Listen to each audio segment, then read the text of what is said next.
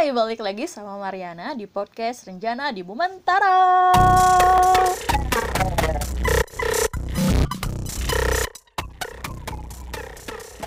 Sekarang kita ada di hari ke-13 dari 30 hari bersuara yang diadakan oleh The Podcasters Indonesia. Tema hari ini adalah pemuja rahasia. Cie, pemuja rahasia. Ini adalah salah satu tema di mana aku bingung mau cerita apa karena seumur-umur rasanya aku nggak pernah bener-bener suka sama seseorang sampai ngelakuin sesuatu secara diem-diem buat dia kayak misalkan diem-diem ngasih kado atau diem-diem ngucapin salam pakai nomor yang gak dikenal yang kayak gitu tuh nggak pernah. Aku yakin orang-orang dalam tanda kutip yang aku puja itu pasti tahu kalau aku suka sama mereka. Jadi di kesempatan kali ini aku mau ceritain aja soal teman aku di SMP yang diam-diam menjadi pemuja rahasia kakak kelas Waktu itu aku kalau nggak salah kelas 2 SMP. Jadi di SMP itu kan ada beberapa ekstrakurikuler tuh. Nah aku tuh ikutan PMR. Seorang teman dekat aku, dia ikutan pramuka. Kakak kelas aku di PMR itu, ya kakak kelas kita di sekolah, maksudnya kakak kelas ini ikutan PMR juga, dikagumin oleh teman aku yang anak pramuka itu kita panggilnya Akang aja ya. Karena memang waktu di SMP itu panggilan sapaan buat kakak kelas tuh Akang sama Tete. Nah si Akang ini sepertinya merupakan salah satu idola juga di sekolah. Karena teman sesama seangkatannya aja di PMR juga ada nih yang suka dicie-ciein ke si Akang ini.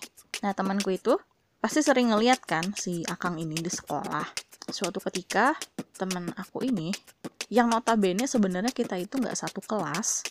Kita beda kelas nih waktu kelas 2 jadi kita sekelasnya waktu kelas 1 pas kelas 2 kita pisah dia kadang-kadang suka ketemu sama aku.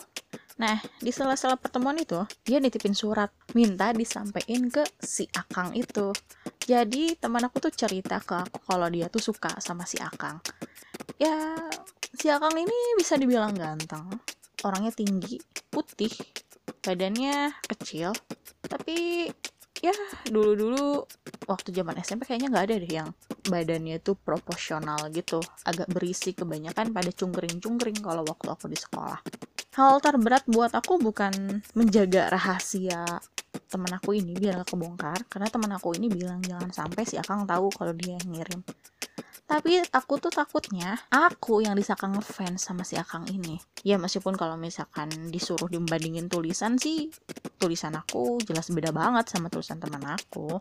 Tapi kan tetap aja, kalau aku yang diem-diem ngasihin surat, bisa aja kan aku yang disangka suka. Waktu itu di sekre PMR, aku tuh deg-degan banget nungguin orang-orang bubar gitu. Keluar, masuk, bolak-balik gitu aja. Jadi waktu aku masuk PMR itu tiap pulang sekolah aku suka nongkrong dulu di sekre kalau misalkan pulang jam 1 atau jam 2 itu kadang-kadang udah nongkrong itu aku pulang jam 4, jam 5 gitu ngumpul dulu sama teman-teman nah waktu itu akhirnya si Akang ini sendiri di dalam sekre kalau nggak salah sekrenya itu lagi kebagi dua bagian. Bagian depan itu kalau kita buat tempat kumpul-kumpul dan bagian belakang itu ada bed dan barang-barang lain. Nah si Akang itu lagi ada di dalam situ lagi duduk di bed itu. Terus aku masuk. Aku takut banget itu ada yang ngeliat. Tapi ya udahlah aku lebih milih menjadi teman yang baik dengan resiko aku yang disangka suka sama si Akang itu daripada teman aku sedih karena aku nggak bisa nyampein amanatnya dia. Terus aku kasihin surat itu aku bilang itu dari teman aku di surat itu tentu aja teman aku nggak nulis namanya dia dan dia dengan baik hati ngizinin aku baca suratnya sebelum dikasihin ke si Akang itu. Si Akang itu akhirnya menerima. Jadi aku lupa persisnya gimana. Yang pasti waktu itu si Akang nemuin aku dan suratnya dibalas. Suratnya itu nggak aku baca sampai aku kasihin ke teman aku lagi. Aku sempat bilang, wah aku jadi mak comlang nih. Terus dia bilang, enggak kok tenang aja.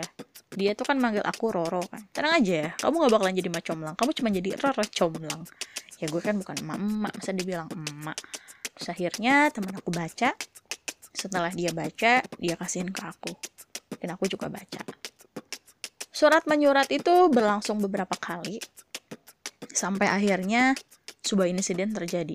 Ternyata tiba-tiba ada surat tambahan yang nyampe ke teman aku itu.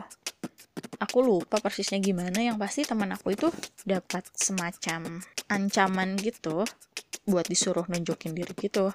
Ternyata di suatu surat, sepertinya yang ketiga atau keempat kalinya, teman aku tuh bilang nama dia siapa, dia kelasnya di mana, dan keselnya surat-surat dari teman aku itu sama si Akang ditaruh di bindernya dia.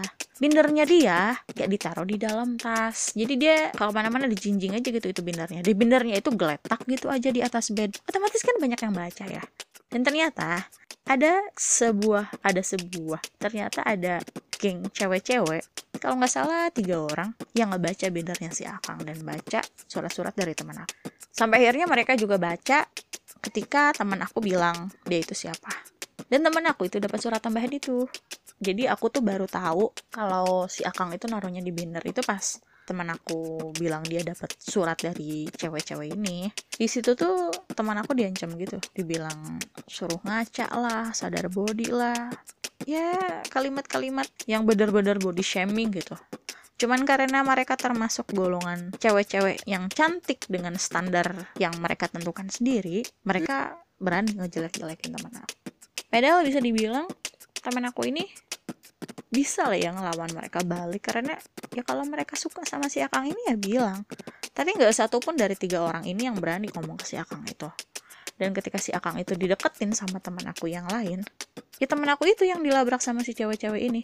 Aku mikirnya gini loh kalau kita suka sama seseorang tapi seseorang itu suka sama orang lain yang harus kita lakuin ya bukan ngelabrak si orang lain itu ya kalau kita suka sama seorang ya kitanya aja yang bilang. Kalau misalkan dia ternyata milih yang lain ya udah. Kenapa kita ngejudge si orang lain ini?